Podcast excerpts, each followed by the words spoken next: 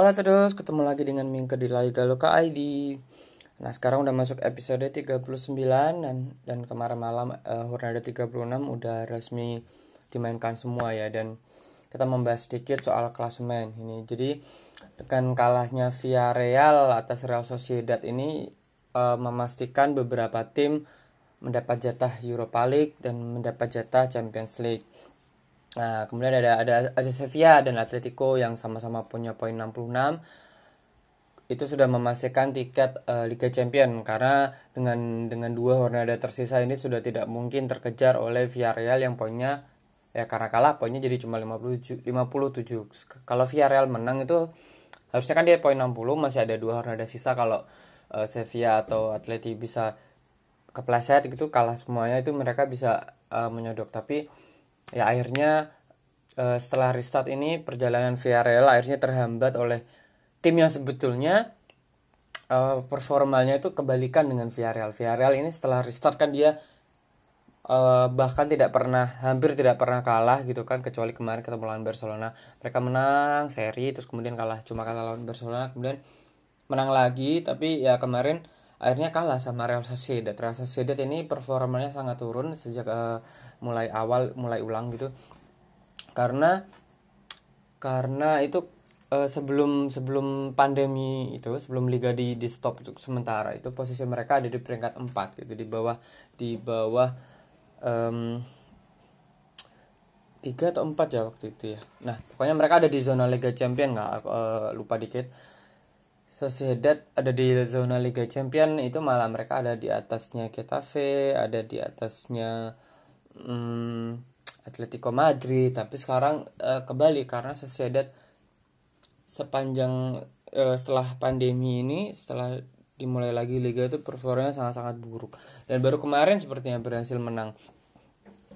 Nah skornya lumayan lumayan sih uh, 2-1 tuh lawan Villarreal nah uh, dengan kondisi klasemen seperti sekarang cuma tersisa dua Hornada Villarreal sudah memastikan tiket liga uh, liga Eropa gitu kan karena mereka ya sejelek-jeleknya setelah ini dua dua Hornada awal masih akan ada di peringkat antara 5 sampai 7 Nah, kemudian di bawah, di bawah mereka ada Getafe dan Sociedad. Mereka uh, poinnya 54. Di bawahnya lagi ada uh, Granada yang poinnya 51. Nah, kemudian ada Atletik, Valencia um, sorry, ada Atletik yang poinnya 51. Kemudian ada Valencia, Granada yang poinnya 50 gitu kan. Nah, Getafe dan Sociedad ini berarti cuma butuh 4 poin untuk memastikan posisi Europa League gitu. Dan jadi Atletik, Bilbao, Valencia, Granada masih punya peluang walaupun sangat kecil. Sebenarnya kalau dari Mingke pribadi akan sangat menarik kalau melihat hmm, klub yang tanda kutip kecil gitu ya bermain di di di Eropa gitu. Getafe misalnya ya.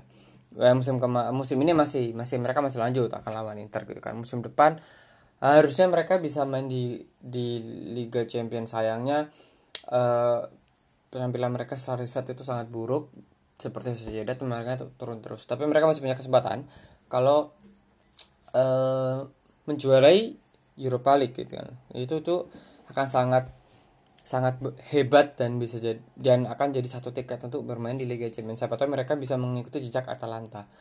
Ya walaupun di liga ya Atalanta sangat-sangat superior dibandingkan Getafe musim ini tapi di di liga liga Italia ada Atalanta di liga Spanyol ada Getafe yang kita nggak tahu musim depan apakah Bordelas akan tetap di sana dan mengomandoi Getafe yang sepertinya akan mem lebih memperbaiki skuadnya. Nah kalau Atletik juga masih punya kesempatan untuk lolos lewat jalur hmm, apa tuh namanya? Copa del Rey. Kalau mereka menang Copa del Rey di final kan lawan Sociedad ini derby bas mereka tetap bisa lolos ke Europa League. Nah tinggal Valencia sama Granada nih. Kalau boleh milih Granada ini layak banget dapat kesempatan untuk main di Liga Eropa musim depan. Karena mereka eh, setelah setelah apa namanya promosi ini sebelum promosi maksudnya sebelum promosi itu memang sudah mencanangkan untuk bisa bermain di Eropa gitu. Ya dimulai dengan Liga Eropa dulu, Liga Eropa. Setelah itu baru setelah itu baru Liga Champion gitu. Karena ya semoga uh, Granada bisa bermain di sana musim ini kalau Valencia terlalu banyak masalah dan mereka musim ini juga banyak banyak ganti pelatih seperti Espanyol. Nah kita akan bahas soal Espanyol nih di sini. Espanyol akhirnya terdegradasi setelah ada dua setelah 25 tahun lebih ada di La Liga gitu. yang paling menyakitkan adalah fakta itu mereka tuh kalah di Camp Nou melawan Barcelona gitu ini kan rival uh, bukan disebut rival nggak dianggap rival juga sama Barcelona tapi memang dianggap tetangga yang menyebalkan aja gitu karena walaupun mereka dan Barcelona itu menyajikan derby Katalan tapi derby Katalan itu tidak se gengsi derby Seville kayak uh, Sevilla Betis atau derby Madrid antara Real Madrid dengan Atletico Madrid gitu. Mereka cuma dianggap sebelah mata oleh Barcelona.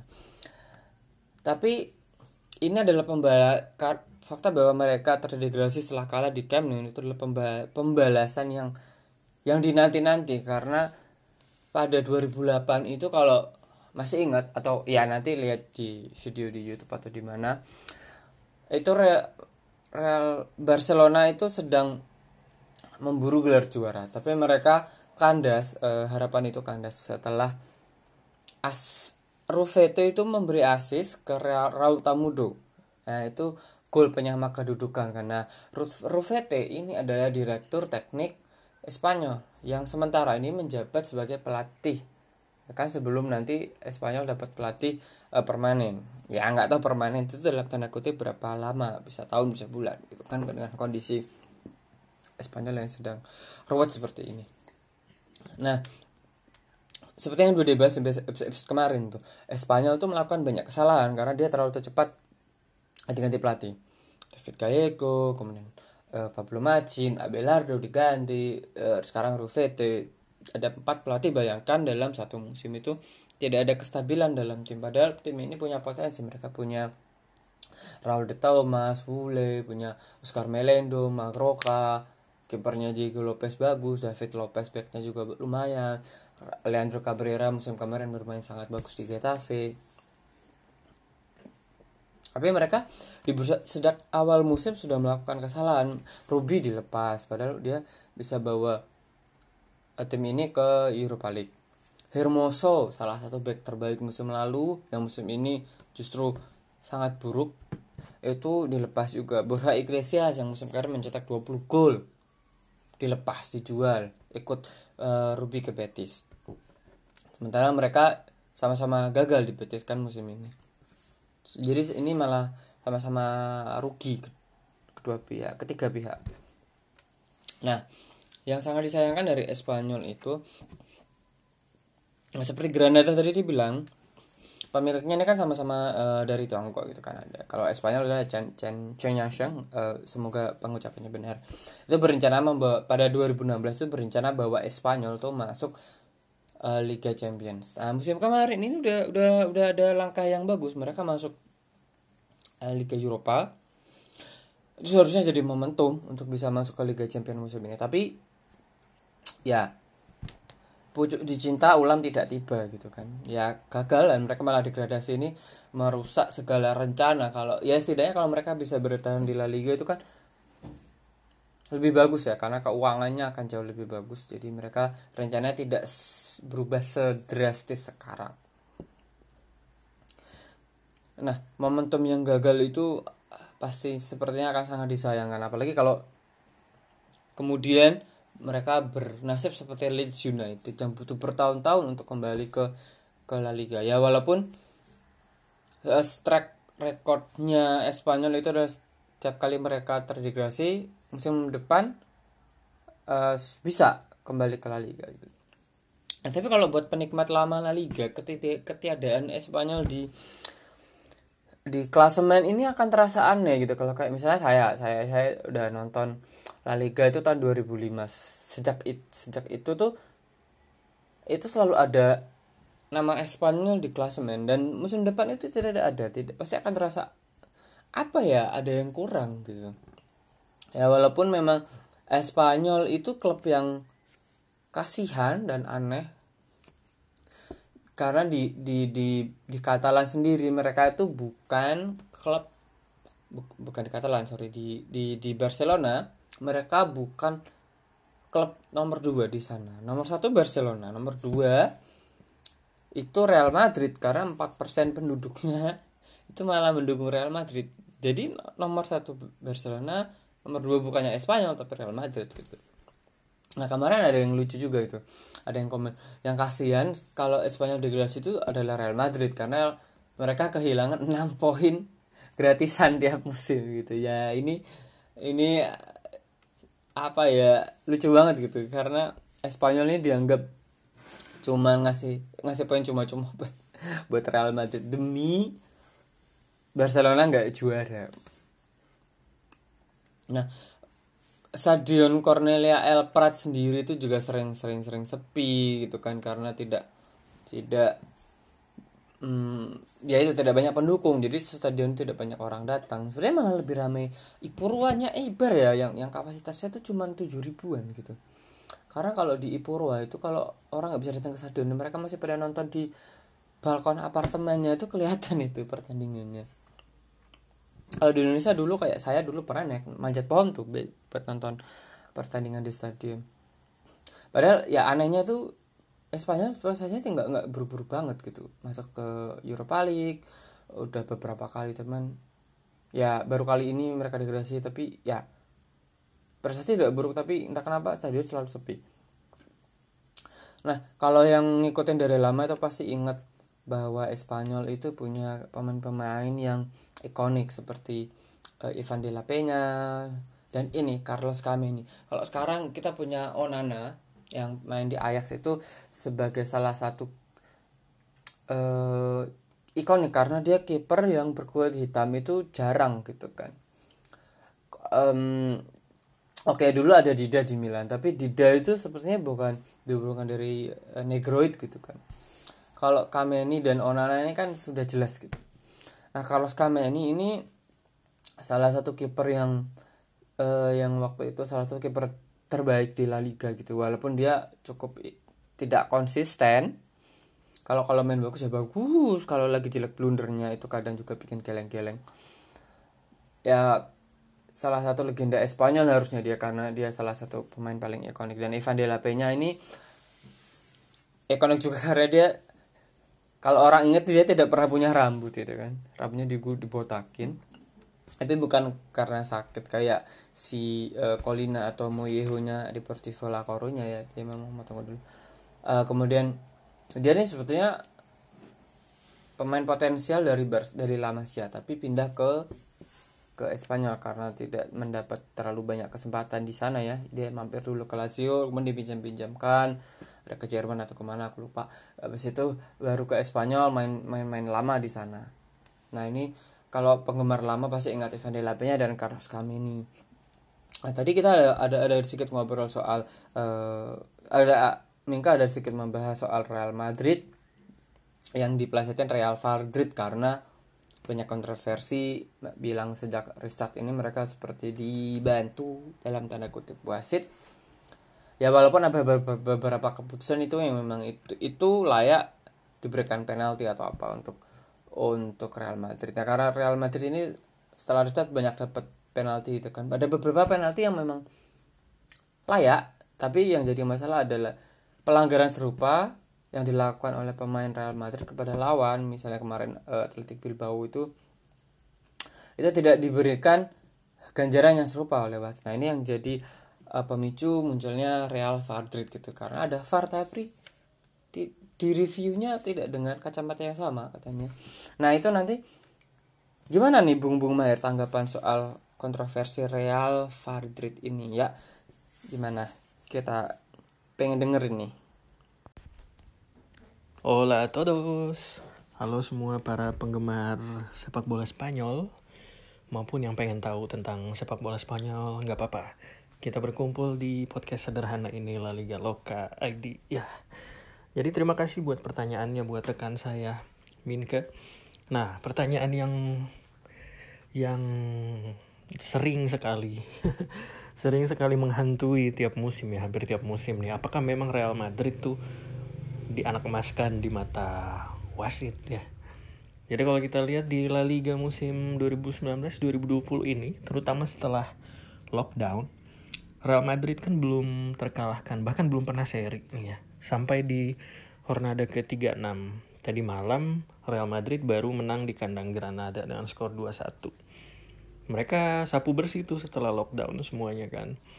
Dan kalau menurut saya sih memang wajar ya karena Real Madrid punya uh, kualitas tim yang di atas rata-rata semua semua uh, peserta La Liga lainnya. Yang secara kualitas tim mungkin hanya bisa disaingi oleh Real Madrid dan Atletico Madrid kalau menurut saya. Bahkan Sevilla, Valencia itu masih di bawah Real Madrid lah ya. Nah, terus tapi kita lihat fenomenanya. Um, sebelum laga melawan Granada, yaitu tiga pertandingan berturut-turut. Berarti kan Hornada 3-3, 3-4, 3-5. Itu Real Madrid dapat penalti di tiga pertandingan berturut-turut, men. Itu uh, menurut saya agak aneh ya tapi jangan keburu ber, ber, berpendapat negatif nih kepada saya nih jangan dibilang saya black campaign Real Madrid nih ya nggak bukan begitu tapi menurut saya rada aneh karena uh, sebuah tim di sebuah liga mendapat tiga penalti berturut-turut. Itu uh, perlu kita bahas lebih jauh sebenarnya perlu kita teliti apakah memang penaltinya itu wajar atau tidak. Coba kita lihat penalti mereka yang pertama di tiga, tiga seri penalti beruntun. Ini maksudnya terjadi di laga melawan Hetafe kan. Nah pada saat itu gol kemenangan Real Madrid dari titik penalti dan kalau dilihat penalti terjadi karena um, siapa waktu itu yang dilanggar Casemiro atau Marcelo pokoknya salah satu ya saya ketukar soalnya di pertandingan lainnya salah satu dari itu kan jatuh di kotak penalti gitu. Nah kemudian di laga melawan Hetafe itu um, kipernya Hetafe David Soria itu luar biasa sih penyelamatan penyelamatannya. Tapi akhirnya dia takluk oleh sebuah penalti dari Sergio Ramos ya. Dan skor 1-0 memperpanjang rekor kemenangan Real Madrid. Kemudian setelah itu Real Madrid melawan uh, siapa setelah itu ya? Uh, Atletic Bilbao kalau nggak salah ya.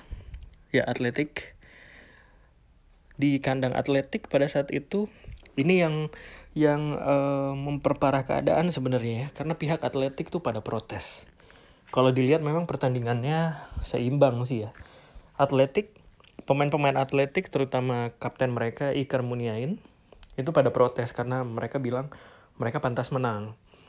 Dan Real Madrid dikasih penalti sedangkan Atletik enggak. Padahal uh, jenis pelanggarannya tuh sama, hampir dibilang persis ya.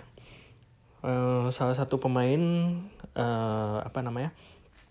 di tackle oleh pemain klub lawan yaitu di kasusnya Atletik Bilbao Raul Garcia itu di tackle oleh uh, Sergio Ramos ya kalau nggak salah. Tapi kemudian nggak dinyatakan penalti. Sedangkan pelanggarannya Real Madrid sebelumnya dinyatakan penalti oleh wasit. Dan kemudian itu menjadi gol kemenangan satu-satunya oleh Real Madrid itu. Dan pokoknya seluruh skuadnya Atletik pada saat itu ngamuk ya dan akhirnya uh, kembali mencuatkan tuduhan bahwa Real Madrid itu sebenarnya didukung wasit di Liga Spanyol dan kemudian bisa ditebak ya para fans Barcelona, fans Atletico Madrid.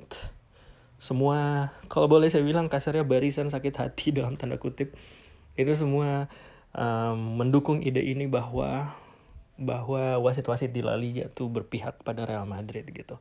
Kemudian di laga yang terakhir di tiga laga beruntun ini Real Madrid menang 2-0 atas Alaves ya. Gol pertama itu penalti lagi.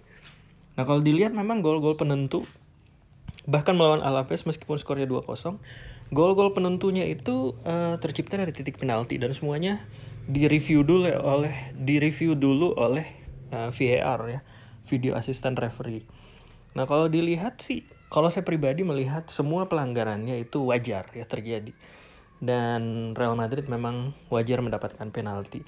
Cuman pertanyaannya adalah ada benernya juga sih para uh, fans Atletik Bilbao Jadi kenapa pelanggaran uh, yang terjadi kepada pemain atletik itu minimal di review VAR deh itu tidak terjadi ya. Jadi wasit sama sekali tidak peduli terhadap pelanggaran itu. Nah itu yang um, membuat membuat tuduhan bahwa wasit di Spanyol memihak ke Real Madrid itu kembali kembali mencuat gitu. Jadi kalau menurut saya sih Real Madrid itu tidak salah dalam hal ini ya. Karena kalau kita lihat juga di Liga Spanyol 2019-2020, Real Madrid yang paling stabil uh, perjalanannya. Dan uh, kalau dilihat head to head mereka melawan Barcelona, tentu saja laga terbesar di tiap tahun ya El Clasico dan Barcelona sebagai pesaing terdekat mereka itu mereka uh, unggul head to head. Mereka menang 2-0 ya di di Bernabeu dan menahan imbang Barcelona 0-0 di Camp Nou di laga yang sempat ditunda itu. nah, kenapa saya bilang uh, Real Madrid tidak salah? Ya memang karena mereka tidak salah. Kalau menurut saya sih uh, mereka pantas keluar menjadi juara La Liga 2019-2020. Meskipun La Liga di musim ini belum selesai ya, masih ada kesempatan Barcelona untuk menikung meskipun kecil karena tinggal dua pertandingan tersisa. Nah, kalau menurut saya nih, saya pernah membahas ini di akun pribadi saya di Twitter. Jadi, tidak ada sebenarnya yang pantas disalahkan ya. Cuman memang perlu kita analisis bahwa uh, ada kemungkinan memang wasit-wasit Spanyol itu bias kalau Real Madrid yang bermain. Ini bukan saya saja yang mengatakan seperti ini, tapi kalau kita lihat di Twitter para pandit baik pan, para pandit kelas 1 maupun para pandit wannabe ya itu um, mendukung ide ini dan ini sebenarnya hampir tiap tahun dicetuskan. Nah kalau analisis saya seperti ini, ini pernah dibahas ya, cuman saya lupa sumbernya apa. Jadi wasit-wasit kan manusia juga ya. Jadi mereka uh, terjun ke sepak bola itu tentu saja pasti ada yang menginspirasi gitu. Nah pengalaman saya nih selama tiga tahun tinggal di Spanyol, hampir di seluruh pelosok Spanyol kecuali di negara bagian Catalunya dan Basque yang memang cenderung anti pemerintahan Spanyol itu bisa dibilang hampir semua orang pasti adalah uh, rasa sukanya ke kepada Real Madrid gitu. Jadi apalagi di uh, region Madrid sendiri ya, udah pasti itu para fans Real Madrid. Meskipun um, meskipun tempat tinggalnya memiliki klub sendiri misalnya nih. Salah satu contoh kasusnya tuh teman saya dia orang Granada. Dia orang Granada kemudian uh, dia kuliah di Granada tumbuh besar di Granada. Tapi kemudian dia punya dua klub favorit yaitu Granada dan Real Madrid. Uh, saya tadinya berpikir oh mungkin tiap tiap orang dari tiap daerah pasti punya fanatisme sendiri ya terhadap klubnya gitu. Tapi ternyata enggak. Teman saya tuh bilang jadi ya memang kalau La Liga dia dukung Granada tapi dia tidak bisa bermimpi Granada akan main di Liga Champions. Sedangkan ya tontonan paling bergengsi fans sepak bola tentu saya Liga Champions kan ya jadi dia perlu punya jagoan di Liga Champions dan dia memilih Real Madrid gitu. Dan biasanya sih anak-anak um, muda di Spanyol yang gila sepak bola itu mereka uh, memilih antara Real Madrid atau Barcelona. Wajar lah ya dua itu yang terbesar dan paling berprestasi di Eropa gitu. Dan waktu saya tinggal di Sevilla hampir tiga tahun itu saya melihat sendiri sih ya.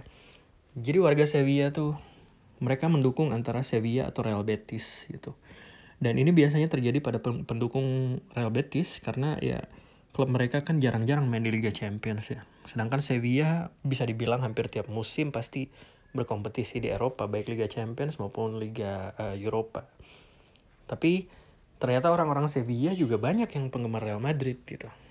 Pada saat Real Madrid juara tiga kali Liga Champions secara beruntun, itu saya melihat sendiri ternyata warga Sevilla juga ada beberapa yang berpesta ya.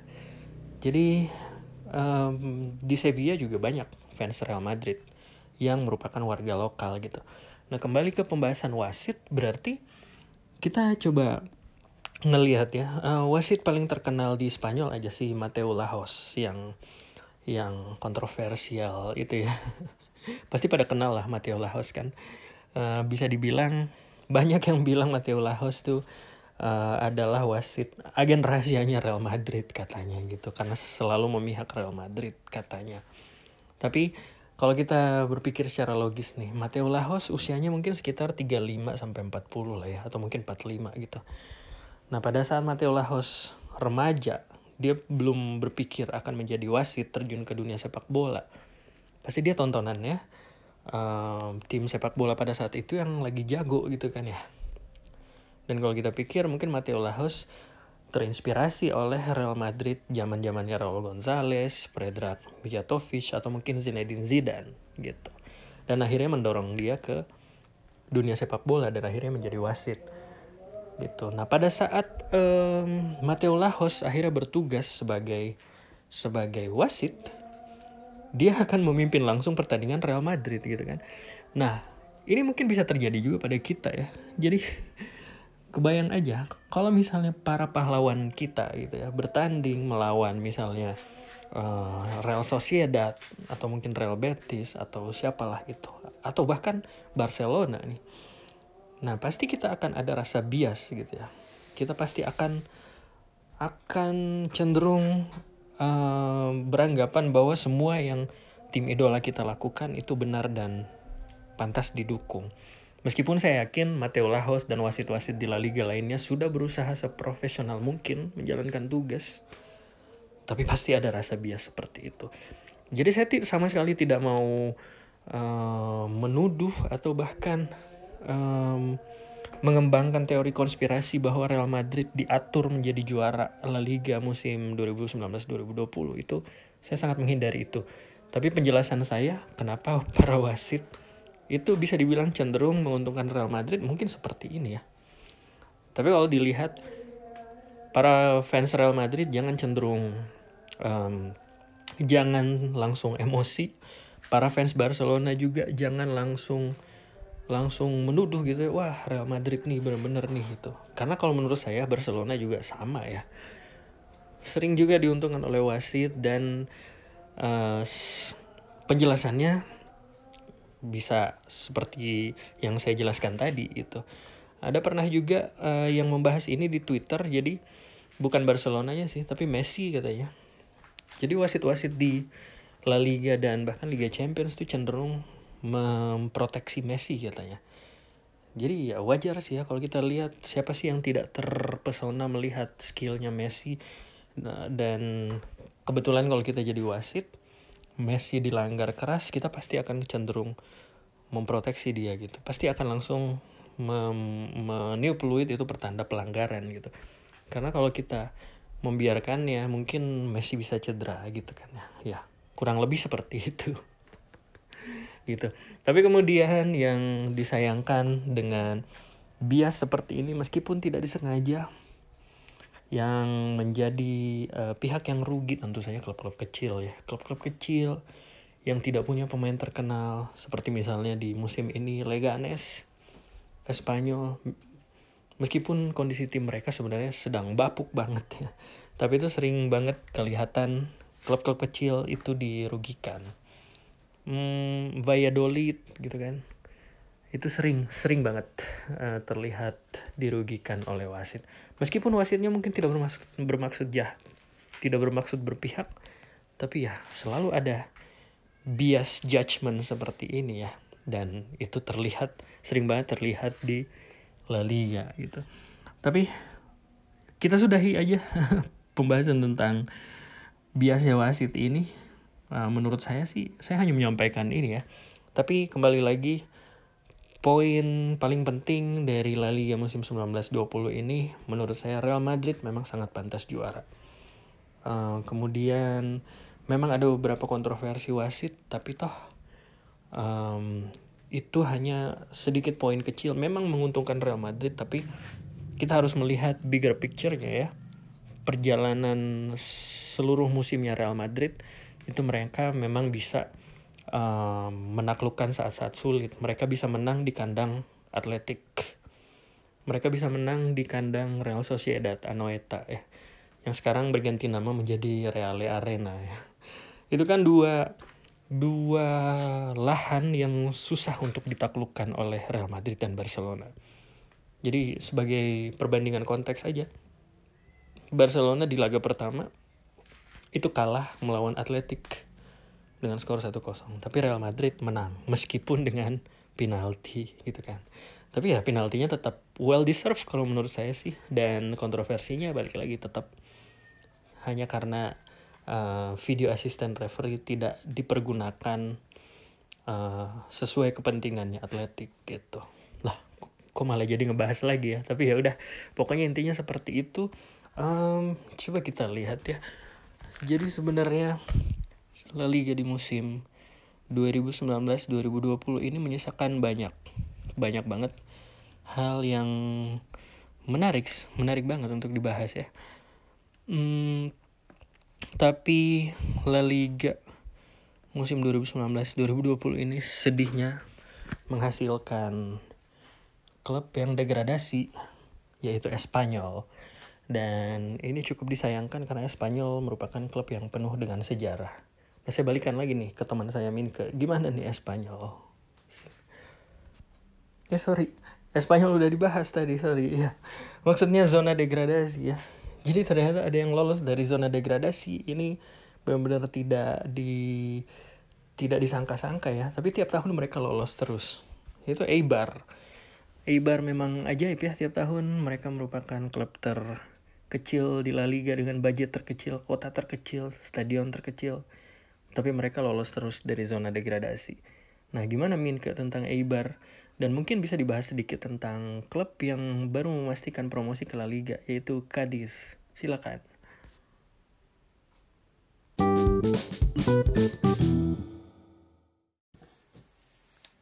Nah, makasih Mahir.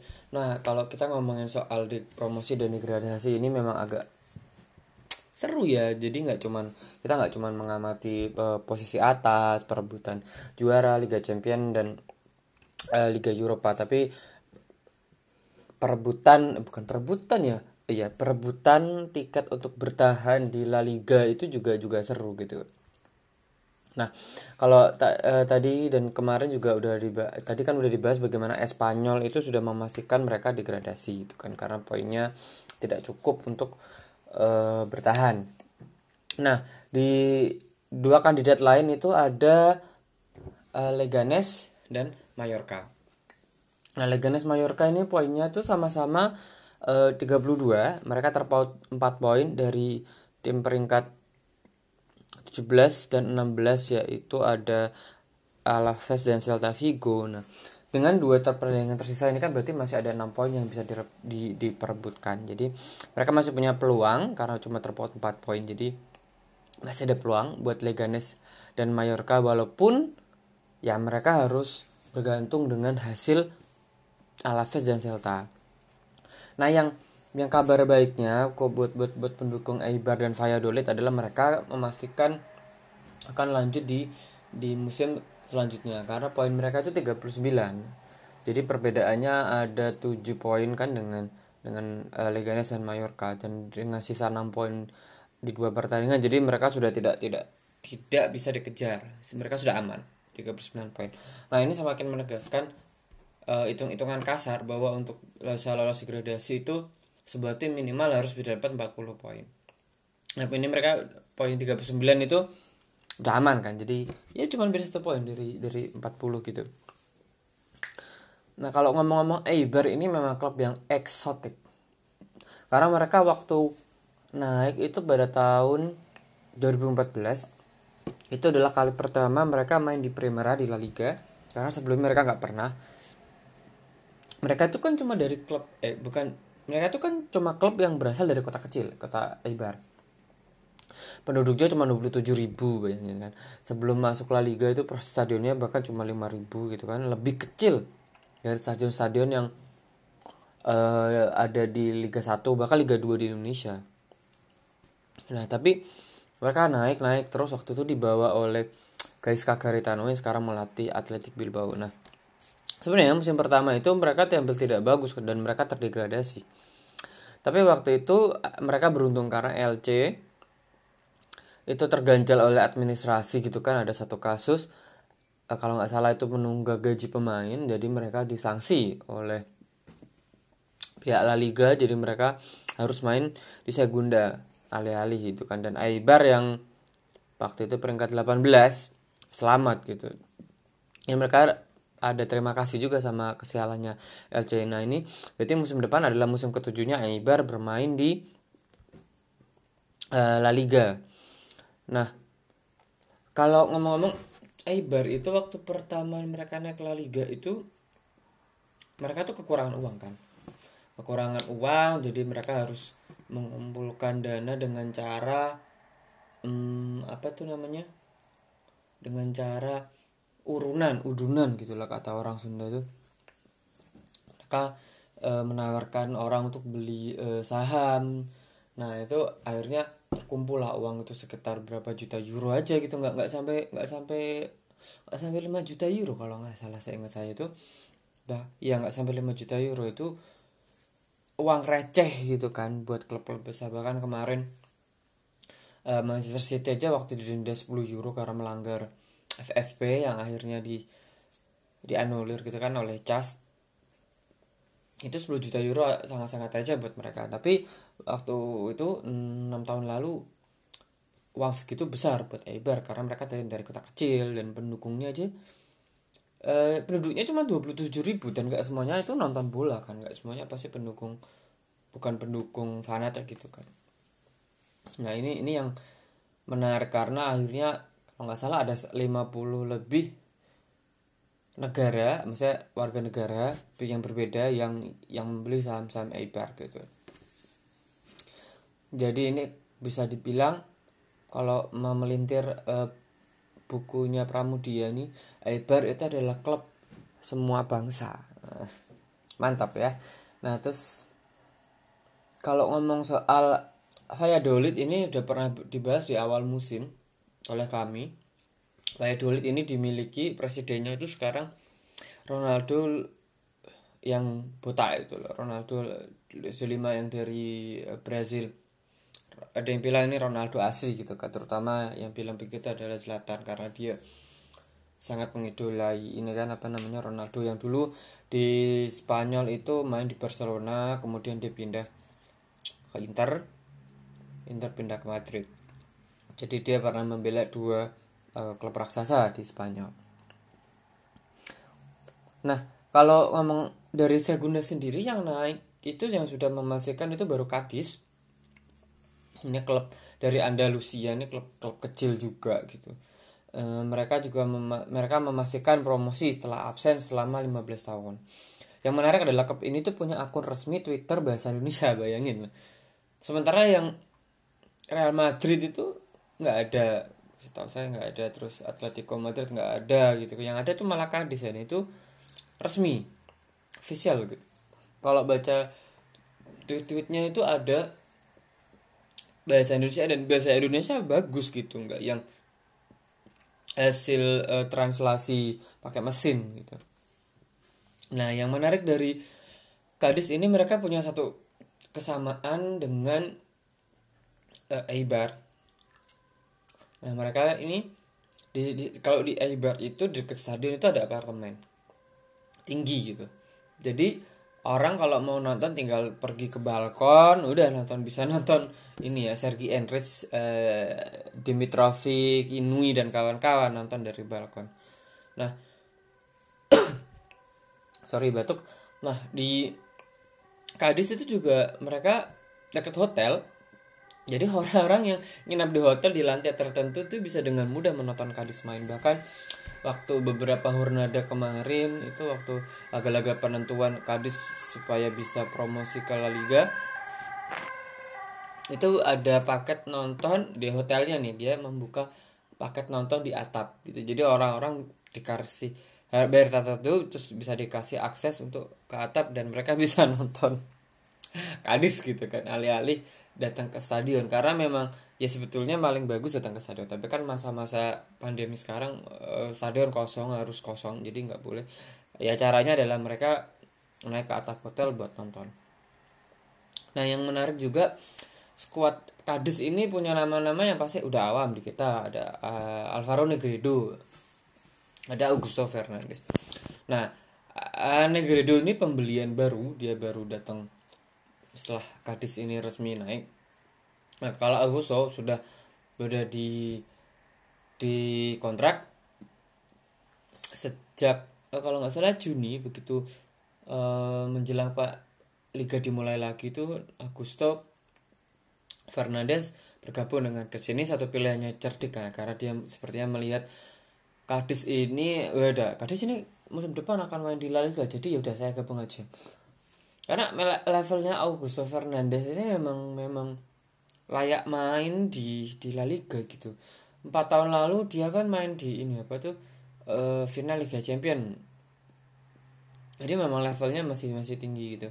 Nah ada kemarin siapa Luis Garcia tuh bilang Cadiz ini kan dari kota kecil tapi stadionnya tuh selalu penuh karena pendukungnya tuh sangat sangat antusias ini. Jadi ini kota festival ini festival terbesar di Spanyol itu ada di situ. Nah, um, kota kecil seperti seperti Eibar, tapi pendukungnya sangat antusias. Eh, di Eibar juga antusias gitu kan, walaupun stadionnya kecil, stadionnya di Cadiz juga kecil, tapi lebih besar daripada Ipurua di Eibar. Nah,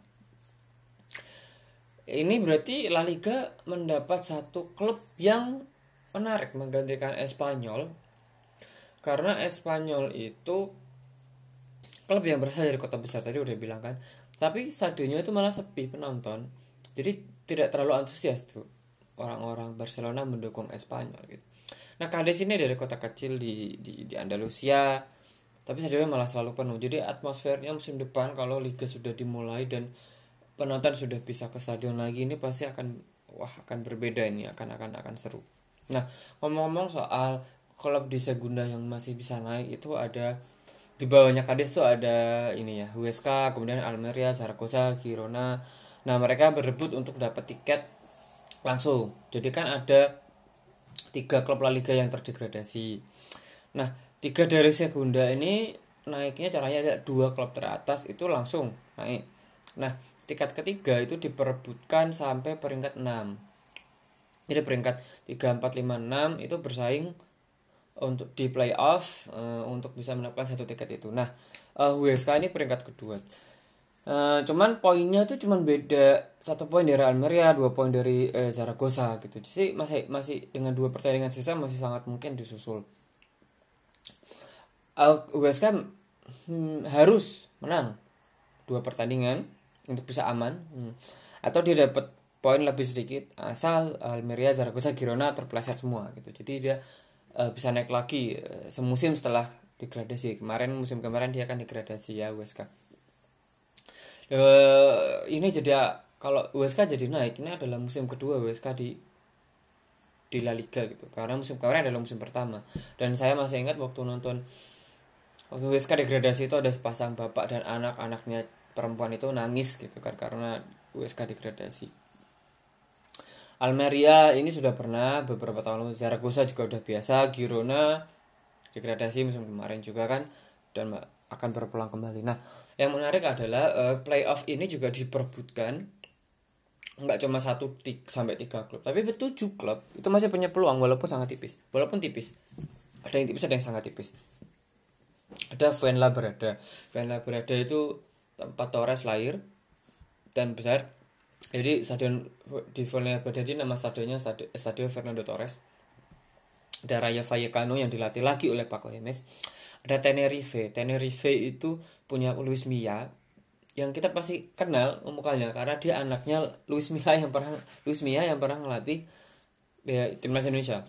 Ada Sporting Gijón yang yang yang musim lalu beberapa musim lalu juga pernah uh, main di La Liga dan waktu itu pernah ada kecurigaan bahwa Villarreal itu sengaja ngalah dengan Sporting karena waktu itu pelatih Villarreal adalah Marcelino. Marcelino itu berasal dari Gijón dan dia mendukung Sporting. Jadi ada kabar selentingan bahwa Marcelino sengaja ngalah. Kemudian ada Alcorcon Alcorcon ini beberapa musim lalu tuh Copa del Rey pernah mengalahkan Real Madrid yang akhirnya menyebabkan Mourinho itu dipecat dan waktu itu kalau nggak salah kipernya Adan kemudian ada Las Palmas Las Palmas Las Palmas juga uh, dua atau tiga musim lalu itu masih di La Liga dilatih oleh uh, Setian yang sekarang melatih Barcelona ya. Jadi truknya Setian ini ajaib dari Las Palmas Betis Barcelona. Ini lompatan yang jauh. Dan Mirandes Mirandes ini juga capaian sangat bagus. Karena kalau kalau nggak salah saya kalau nggak saya salah ingat satu dua musim lalu Mirandes tuh masih main di Segunda B dan uh, bersaing dengan Atletico Madrid B dan Real Madrid B. Untuk lolos langsung ke Segunda kalau nggak salah waktu itu Mirandes beberapa Bernada akhir menyalip uh, duet uh, duo Madrid ini dua kota Madrid tim akademinya untuk bisa bisa bisa maju ke uh, Segunda dan sekarang malah punya peluang tuh masuk La Liga ini ini sangat hebat. Nah tadi udah ngomongin ngomong soal Betis uh, penasaran nih karena karena Betis itu musim depan akan dilatih oleh pelatih yang sangat berpengalaman yaitu Marus uh, Pellegrini yang pernah melatih Villarreal, uh, Malaga, Malaga waktu itu nyaris memberikan kejutan, buat tapi kalah dari Dortmund di perempat final Liga Champions Dortmund yang waktu itu latih klub sampai masuk final itu kalau masih ingat. Kemudian Manchester City dia juara juga gitu kan. Real Madrid dia hampir juara gitu kan. Poinnya banyak banget tapi waktu itu bersaingnya dengan Barcelona yang sedang hebat-hebatnya. Nah, Pellegrini akan melatih Betis Betis punya punya squad yang lumayan nanti naik naik kemarin gimana nih uh, potensi Pellegrini nanti yang sudah sangat berpengalaman di Betis musim depan. Iya, balik lagi kepada saya. Ya, Real Betis. Real Betis ini tiap tahun bisa dibilang mengecewakan terus ya. Padahal kita bisa lihat Real Betis hampir tiap musim um, di awal musim pasti bergairah kalau boleh saya bilang. Karena di awal musim ini aja 2019-2020 mereka mendatangkan Nabil Fekir ya dari Lyon. Nabil Fekir merupakan um, kalau boleh saya bilang pemain yang high profile dan banyak yang menyayangkan kenapa Fekir hanya bermain di klub kelas menengah bisa dibilang mediocre ya padahal dia udah lama diincar klub-klub besar Inggris seperti Liverpool, Arsenal, dan mungkin Tottenham Hotspur gitu. Dan um, itu terlihat dari kualitas Nabil Fekir. Kalau boleh dibilang yang bagus mainnya di Real Betis selama musim 2019-2020 itu salah satunya Fekir ya.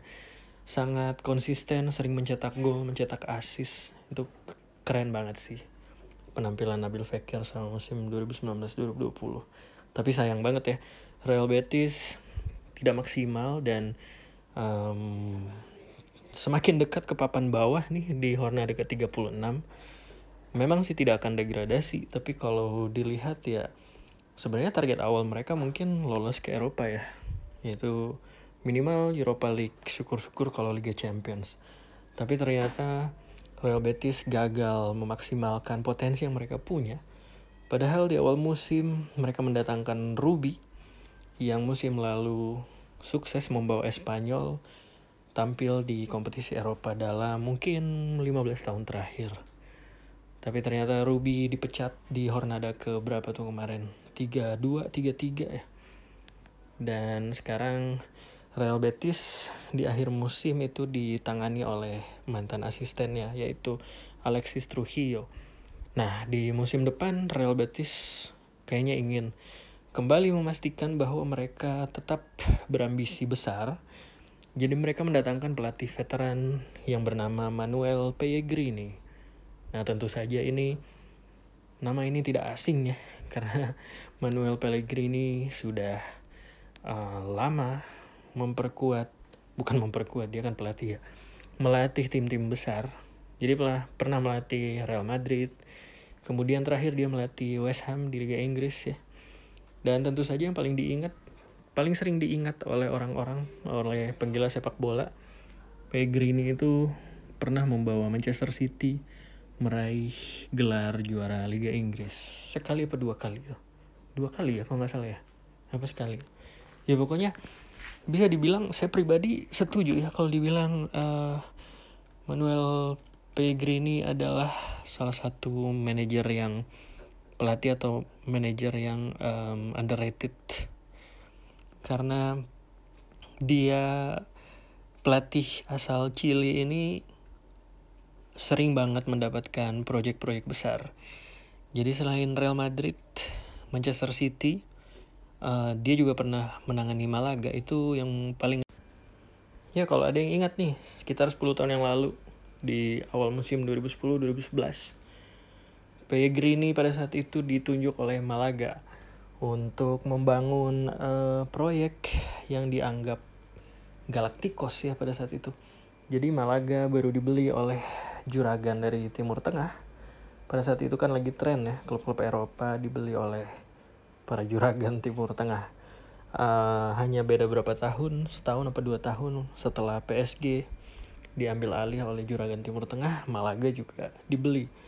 Tapi bedanya Malaga bisa dibilang gagal ya. Kita bisa lihat sekarang Malaga di divisi 2 Spanyol di Segunda Division. Tapi pada saat itu di periode 2010 sampai 2013 sampai pada akhirnya Malaga kembali kesulitan keuangan. Uh, Pellegrini bisa terbilang sukses ya karena setelah mus setelah menangani Malaga di musim pertama, iya di musim pertama pada saat itu Malaga langsung lolos ke Liga Champions. Itu merupakan uh, apa ya kalau boleh saya bilang itu jarang-jarang terjadi ya Malaga lolos ke Liga Champions. Dan bahkan hampir lolos ke semifinal pada saat itu. Pasti pada ingat di di laga Liga Champions 2011-2012 Malaga hampir lolos sebelum akhirnya kebobolan gol di menit-menit akhir di di dan mereka akhirnya tersingkir di tangan Borussia Dortmund. Akhirnya pada saat itu kan eh sorry itu 2012 2013 ya. Dan Borussia Dortmund akhirnya lolos ke final dan bayangkan kalau pada saat itu Malaga lolos ke semifinal, bisa jadi ke final. Dan situasinya memang Malaga di musim pertama mereka diperkuat striker legendaris Belanda Ruud van Nistelrooy.